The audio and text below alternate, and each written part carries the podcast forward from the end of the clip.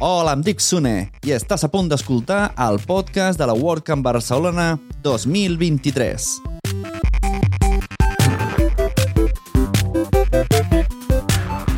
La WordCamp Barcelona es va celebrar els dies 5 i 6 de maig a les Cotxeres de Sants i a la Pompeu Fabra. I en aquests episodis trobareu un tastet escoltant la gent que va passar pels nostres micròfons, els micròfons de la productora Nación Podcast. Benvinguts, bienvenidas, poneos còmodos, poneos còmodes, que comencem. Sigueu benvingudes i benvinguts al podcast de la WordCamp Barcelona 2023.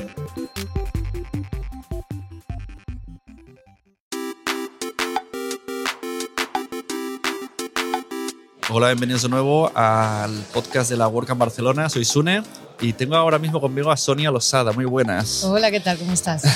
Aquí, como no conozco a nadie, pues esto es todo el guion que tengo. Hola, Sonia, Sonia Losada, que le gustan los podcasts, así que Sí. vamos a hablar. eh, cuéntame qué es lo que haces en la WordCamp Barcelona.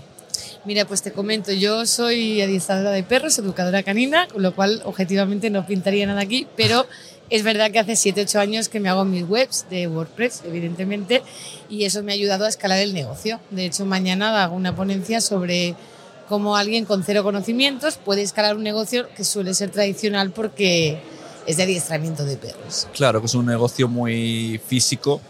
Se supone que sí, pero en realidad no, porque tengo infoproductos, tengo un podcast, participo en radio, en prensa, o sea, al final son como muchas ramas de. Todo el rato estoy hablando de perros, pero lo hago de varias vías Qué que guay. se complementan. Me interesa mucho. Y, eh, para empezar el podcast, ¿cómo se llama el podcast? El podcast se llama Hablemos de perros y yo creo que es de las mejores cosas que he hecho en mi vida, ¿eh? fíjate. Yo creo que me he cruzado con este podcast. Posiblemente María Santonja lo ha, lo ha compartido. Podría En algún ser momento. mi idea, claro. claro, es que tampoco es que tenga experiencia del podcast en el sentido que una vez dije, voy a hacer un podcast, me compré el micro, me busqué la forma de subirlo al WordPress, lo subo en WordPress y de repente la gente lo empezaba a escuchar, pero claro, las sensaciones de estar en la habitación de mi casa y Claro. hablar sin ser muy Y consciente estar solo. que al otro lado hay gente. ¿Y has notado mucha diferencia en el. Claro, es un comercio local, ¿no? No. Internacional, Ah. porque yo hago sesiones online y tengo gente en México, tengo gente en Estados Bueno, pero Unidos. esto antes, antes, Antes de. era inviable, claro, me aquí la ha habido un cambio en, en- desde que te metes en el mundo online. Antes era local. Antes era completamente local. Gracias al podcast ya empezaba a tener clientes on- de fuera de Cataluña, estamos en Cataluña. Entonces, claro, me empezaron a solicitar sesiones online, que como que no encajaba mucho, iba vendiendo algunas, pero luego a través de la pandemia aquello explotó y luego los infoproductos, el ebook, bueno, tengo un montón de cosas relacionadas. Claro, al final empiezas y, y como escuchas a la gente de marketing, no paras. A la newsletter. Servicio, la newsletter también, claro, claro, claro. Todo lo que oigo nuevo que puede ayudar, yo que lo pruebo. co- Como te despistes, llegará un momento que no tocarás un pelo de perro. Bueno, te diría que casi. A ver, siempre voy a seguir haciendo sesiones presenciales o formaciones presenciales porque a mí me encantan los perretes, entonces es que Claro. no, puedo, no puedo no estar con ellos. Pero te diría que el 60% de mi tiempo, si no más, es de edición de podcast, grabación de podcast, pensar temas, redes sociales, Claro. newsletter. Bueno, claro, es un trabajazo esto, ¿eh? Claro, claro. Y cuéntame, has dicho educación. Canina. Es que no quiero, no sé si educación respetuosa. Sí, es dice. respetuosa. Sí, sí, sí. Claro, como yo vengo del mundo más maternidad, no sé si son los mismos términos. Fíjate que va muy a la par la educación de niños y Sí. perros, porque al final los de los perros lo que hacemos es todo lo que se publica en humanos de psicología. Al final un cachorro humano más o menos tiene unas necesidades como un cachorro canino. Entonces eh, van como muy, muy a la par. Claro, sí, sí, no. Es que tengo una, una clienta que- del podcast Derecho a Animales que ella ha hecho cursos de. Este, y más o menos lo poco que sé, es porque ella en, en su podcast se lo cuenta a la gente. Sí, sí.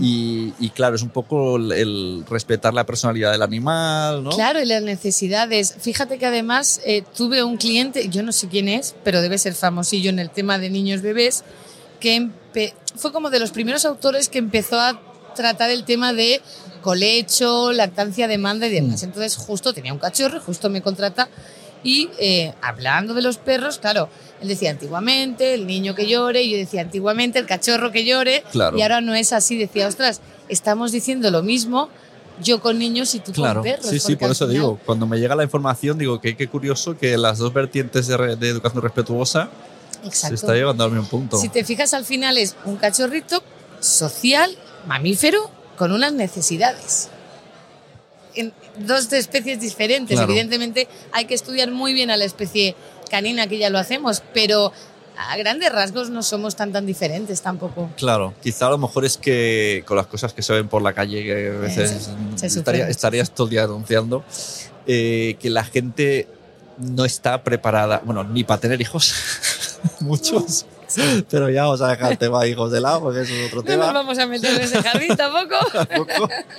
Pero mucha gente, y, yo, y no sé si es la gran mayoría, por lo menos la gente que yo conozco, muy poca gente le veo de verdad que trate con respeto al animal. En cambio, lo tienen, pues no sé, como un juguete, como un peluche, y, y Sí. solo cuando se porta bien. Y luego hay algo que es, como yo creo, muy español, ¿no? De yo he tenido perros, yo ya lo hago a mi manera. Pues si Ya. es que tu manera no va a ser buena, si es que no has estudiado, si es que no. Claro. Es que esto no es una cosa que puedas probar, es que es un ser vivo. Entonces, al final, pues dando mucha información a través del podcast, que está ayudando, por ejemplo, a un mogollón de gente, Mm. de los cursos, del ebook, tal, pues estás ayudando a que la gente pueda conocer a ese individuo y adaptarse a lo que necesita. Claro, Claro, es el- el- especie. estaba pensando, el podcast eh, está muy claro, el, el público es gente que está paseando perro. ¿No? Y cuando te dicen, no tengo tiempo de escuchar podcast, como que no, pasea al perro y escúchalo. Sí, sí, lo escuchan cuando pasean al perro, pero claro, yo hacía por, por vagancia y porque los hago muy improvisados, yo mi, mi podcast es cero guion, pienso, voy a hablar de paseos, venga, me estoy Claro. 10-15 minutos. Hacía esa duración hace tres años que lo empecé, pues porque no me da para una hora improvisar y tengo que hacer dos podcasts a la Sí. semana, entonces para mantener el contenido, la gente me decía, me lo descargo y durante una hora y media de paseo lo pongo en bucle yo pensaba, Claro. madre de Dios. Claro, hace un paseo muy largo, ¿eh? Sí, sí, sí, sí. Y la gente los escucha mucho, pues eso, paseando, en el coche, de camino al trabajo y tal. Y Claro, supongo que gracia. si haces una como una práctica, como si fuera una especie de mindfulness en el momento de si estás con tu perro, prueba a hacer esto. Sí. Y te, te han venido respuestas de, de, bueno, tanto del podcast como de lo que tienen los servicios de eh, no creía en esto, lo hice porque tú me lo dijiste y ha funcionado. A la gente le cambia la vida. A la gente le cambia la vida. En el podcast ya voy dando consejos y hay gente que luego pues me etiqueta en Instagram o así de, oye, mira que he hecho esto y me ha funcionado. Y he probado esto otro y me ha funcionado.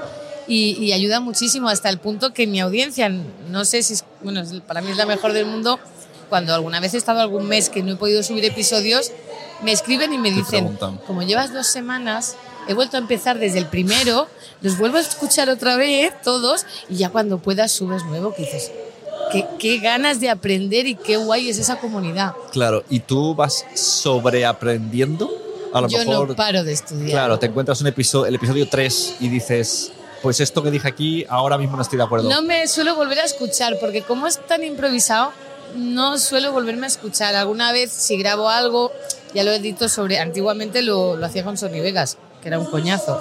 Ahora ya, mientras lo grabo, si me equivoco, corto y sigo grabando Mm. y lo subo sin escuchar. Si alguien me dice, oye, aquí has dicho esto, tal, lo puedo revisar.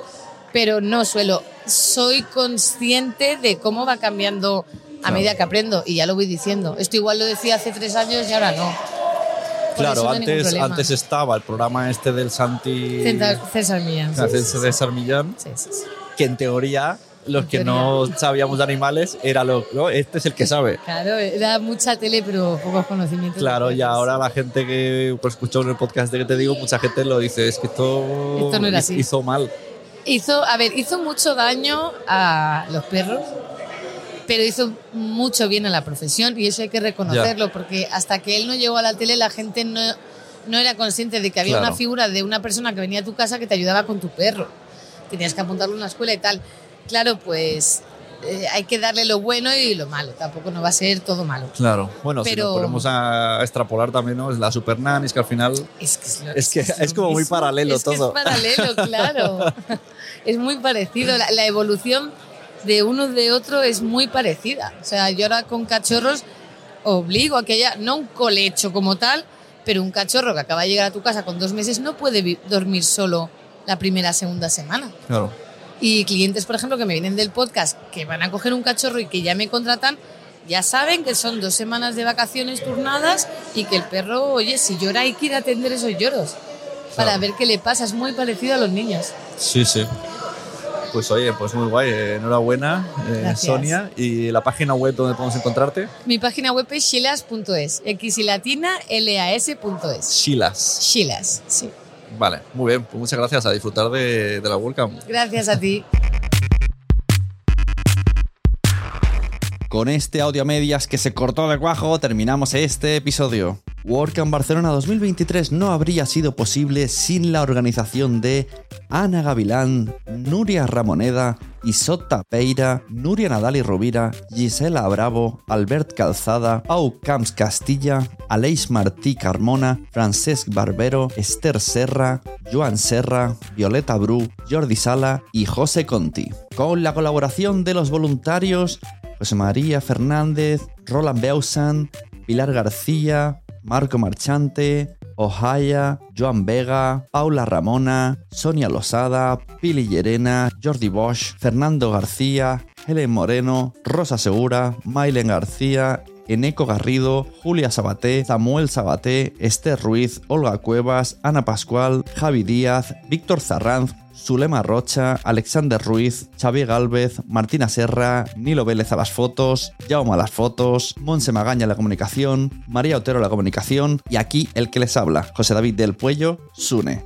el de la grabación y edición del podcast.